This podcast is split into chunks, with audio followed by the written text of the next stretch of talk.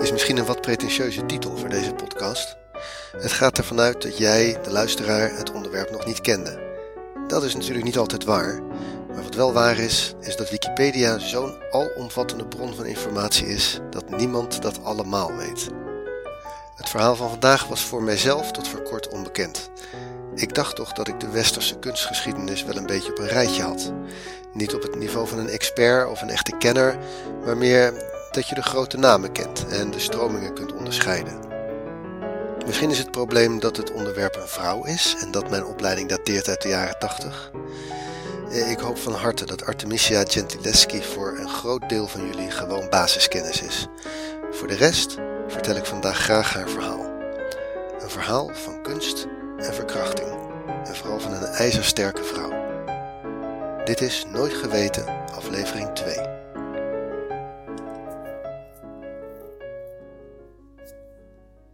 Eerst gaan we een stukje Bijbelkennis ophalen. Het gaat om het Bijbelboek Judith. In de katholieke kerk is dat onderdeel van het Oude Testament, maar de protestanten denken dat het er later bij verzonnen is. Joden denken dat trouwens ook, maar daar gaat het niet om, het gaat om het verhaal. Ongeveer 400 jaar voor Christus. Na hun Babylonische ballingschap woont het Joodse volk weer in Judea. Maar de rust duurt niet lang, want koning Nebukadnezar van de Assyriërs draagt zijn topgeneraal Holofernes op om alle gebieden in het westen een lesje te leren. Met een enorm leger trekt hij door de regio, brandt steden plat, laat iedereen die zich verzet een kopje kleiner maken. Dan komt zijn leger op een kwaad moment ook aan bij Judea. De Joden maken zich enorme zorgen over hun net herbouwde tempel in Jeruzalem. Holofernes slaat zijn leger op buiten het dorp van Judith. Er wordt onderhandeld en de leiders van het dorp stellen voor om zich maar over te geven.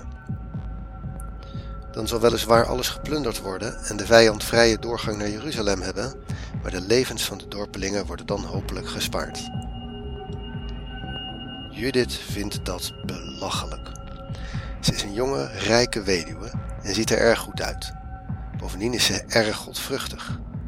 Ze kaffert de onderhandelaars uit, trekt haar rouwkleding uit en haar mooiste kleren aan en loopt met haar oude bediende naar het vijandelijke kamp. Zodra Holofernes haar ziet, is hij eigenlijk niet meer zo geïnteresseerd in die oorlog. Hij trekt alles uit de kast voor een romantische avond met deze prachtige vrouw. Er wordt heerlijk gegeten en Holofernes drinkt er flink wat wijn bij. Meer wijn dan hij ooit eerder op één dag had gedronken, schrijft de Bijbel. Dan trekken de bedienden van Holofernes zich terug. Ze weten duidelijk dat de baas graag een beetje privé wil zijn met zijn dame. Maar de baas valt als een blok in slaap, voorover met zijn hoofd naar beneden, dronken. Hier heeft Judith op gewacht. Ze pakt Holofernes eigen zwaard, grijpt zijn hoofd bij zijn haren vast, doet nog een kort gebedje en hakt dan in twee flinke slagen zijn hoofd af.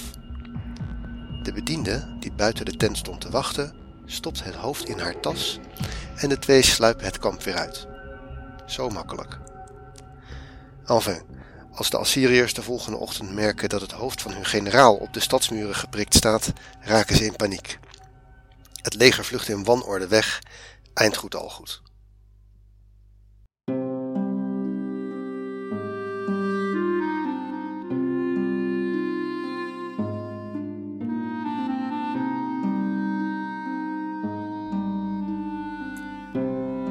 Uffizi in Florence is zo'n museum waar iedereen van zijn reisgids geweest moet zijn en waar iedereen eigenlijk voor hetzelfde schilderij komt.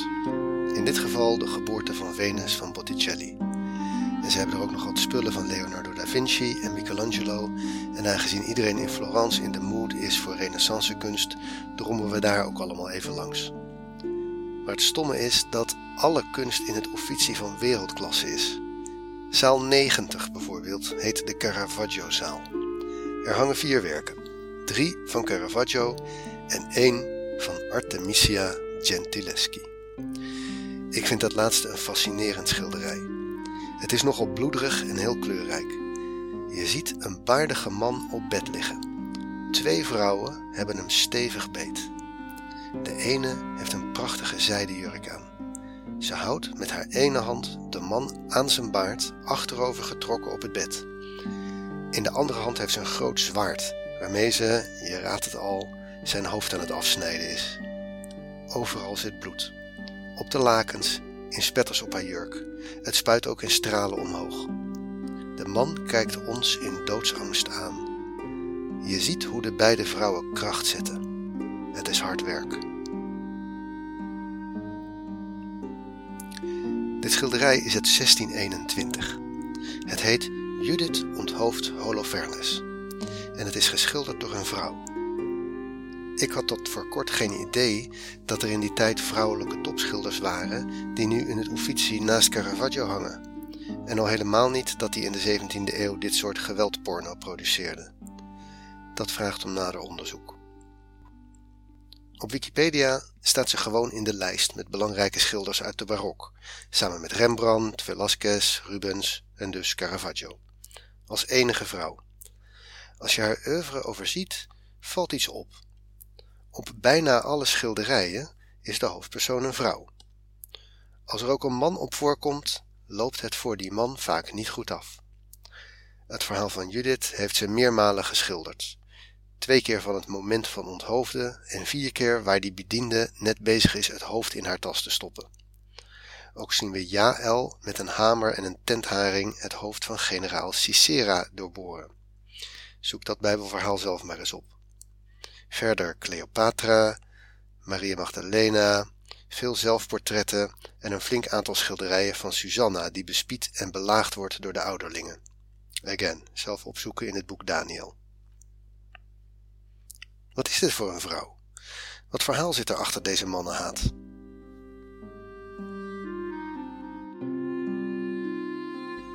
Vaak, als vrouwen voor de 20e eeuw het verschopten in kunsten of wetenschap, was dat alleen mogelijk doordat ze een vader hadden in hetzelfde vak, die hun talent herkende.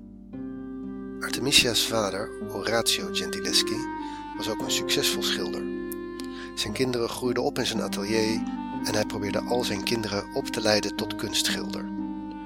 Artemisia had veel meer interesse en talent voor schilderen dan haar broers en haar vader steunde haar in haar opleiding tot zelfstandig schilder. Dan gaat alles mis. Haar vader huurt een andere schilder in als tutor voor Artemisia. Door deze tutor wordt ze op haar zeventiende verkracht. Hier wordt het verhaal vanuit ons moderne perspectief moeilijk te begrijpen. Artemisia en haar vader klagen de verkrachter in eerste instantie niet aan, omdat hij belooft met haar te trouwen. Dat zou haar eer redden. Als hij daar een paar maanden later op terugkomt, komt er alsnog een rechtszaak van. Die zaak was in de tijd zeer geruchtmakend en we weten daardoor heel veel details over wat er nou precies gebeurd is. Artemisia verklaarde bijvoorbeeld dat ze direct na de verkrachting zo boos was geweest dat ze een mes uit een la had gegrepen en naar hem had gegooid. De zaak duurde maandenlang en om zeker te weten dat ze niet loog in haar getuigenis, werd ze tijdens haar ondervraging gemarteld met duimschroeven. Dus, let wel, Tijdens een rechtszaak over een verkrachting werd het slachtoffer gemarteld. Hoe dan ook, Artemisia hield voet bij stuk en de dader werd veroordeeld tot twee jaar kerker en verbanning uit Rome. Artemisia bleef achter met de scherven. Een tiener nog, geen goede huwelijkskandidaat meer, eigenlijk alleen haar talent. Ze schilderde door ze werd gezien als de beste schilder van haar tijd in het natuurlijk weergeven van het vrouwelijk lichaam. Ze werd het eerste vrouwelijke lid van de Florentijnse Academie voor de Beeldende Kunst. Ze had opdrachtgevers onder de grootte der aarde en ze smulde van haar heftige, bloederige werken. Iedereen kende natuurlijk ook haar voorgeschiedenis. Eind goed al goed.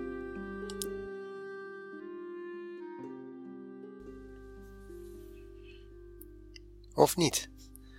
Waarom is ze eigenlijk zo relatief onbekend? Nu ik me wat meer in haar werk heb verdiept, vind ik het echt heel goed. Ze was een navolger van Caravaggio, niet Caravaggio zelf, dat snap ik. Maar waarom werd ze nooit genoemd in mijn kunstgeschiedenislessen vroeger? In de 17e eeuw vonden ze haar werk te bruut voor een vrouw. Daarna werd ze een beetje vergeten. En dan word je gewoon niet zomaar weer beroemd. In de 20e eeuw werd ze weer ontdekt. Eerst vooral door het feminisme, later breder. Door veel kunsthistorici wordt inmiddels gezegd dat het misschien zelfs een ver is om haar hele oeuvre terug te brengen tot het verwerken van haar trauma. Zit ook wel wat in.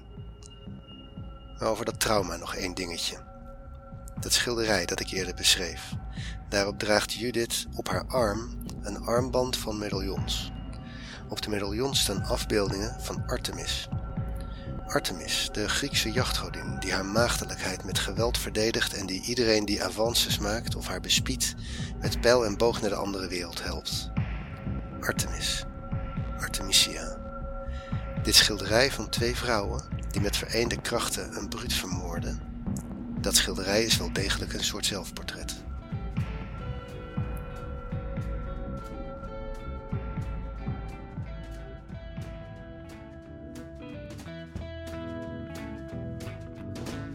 Dit was een aflevering van Nooit Geweten. In de show notes vind je links naar verschillende Wikipedia-lemma's waarop deze aflevering gebaseerd is. Alle muziek die je hoorde is gespeeld, geproduceerd en soms ook gecomponeerd door Kevin MacLeod. Hij heeft deze en veel meer muziek uitgebracht onder de Creative Commons license. Links naar alle stukken vind je in de show notes. Research, productie en presentatie door mijzelf, Teun Duinstee. En natuurlijk door al die duizenden die bijdragen aan Wikipedia. Nooit Geweten is beschikbaar op alle grote podcastplatforms zoals Spotify en iTunes. Als je wilt helpen, laat daar dan een review achter. Ik vind het leuk om te horen wat je ervan vindt. Als je graag een donatie wilt doen, doe dat dan niet aan de Nooit Geweten podcast, maar direct aan de Wikimedia Foundation, de stichting achter Wikipedia. Iedereen die internet gebruikt op zoek naar betrouwbare informatie, zou toch eens per jaar een klein bedragje moeten doneren. do it.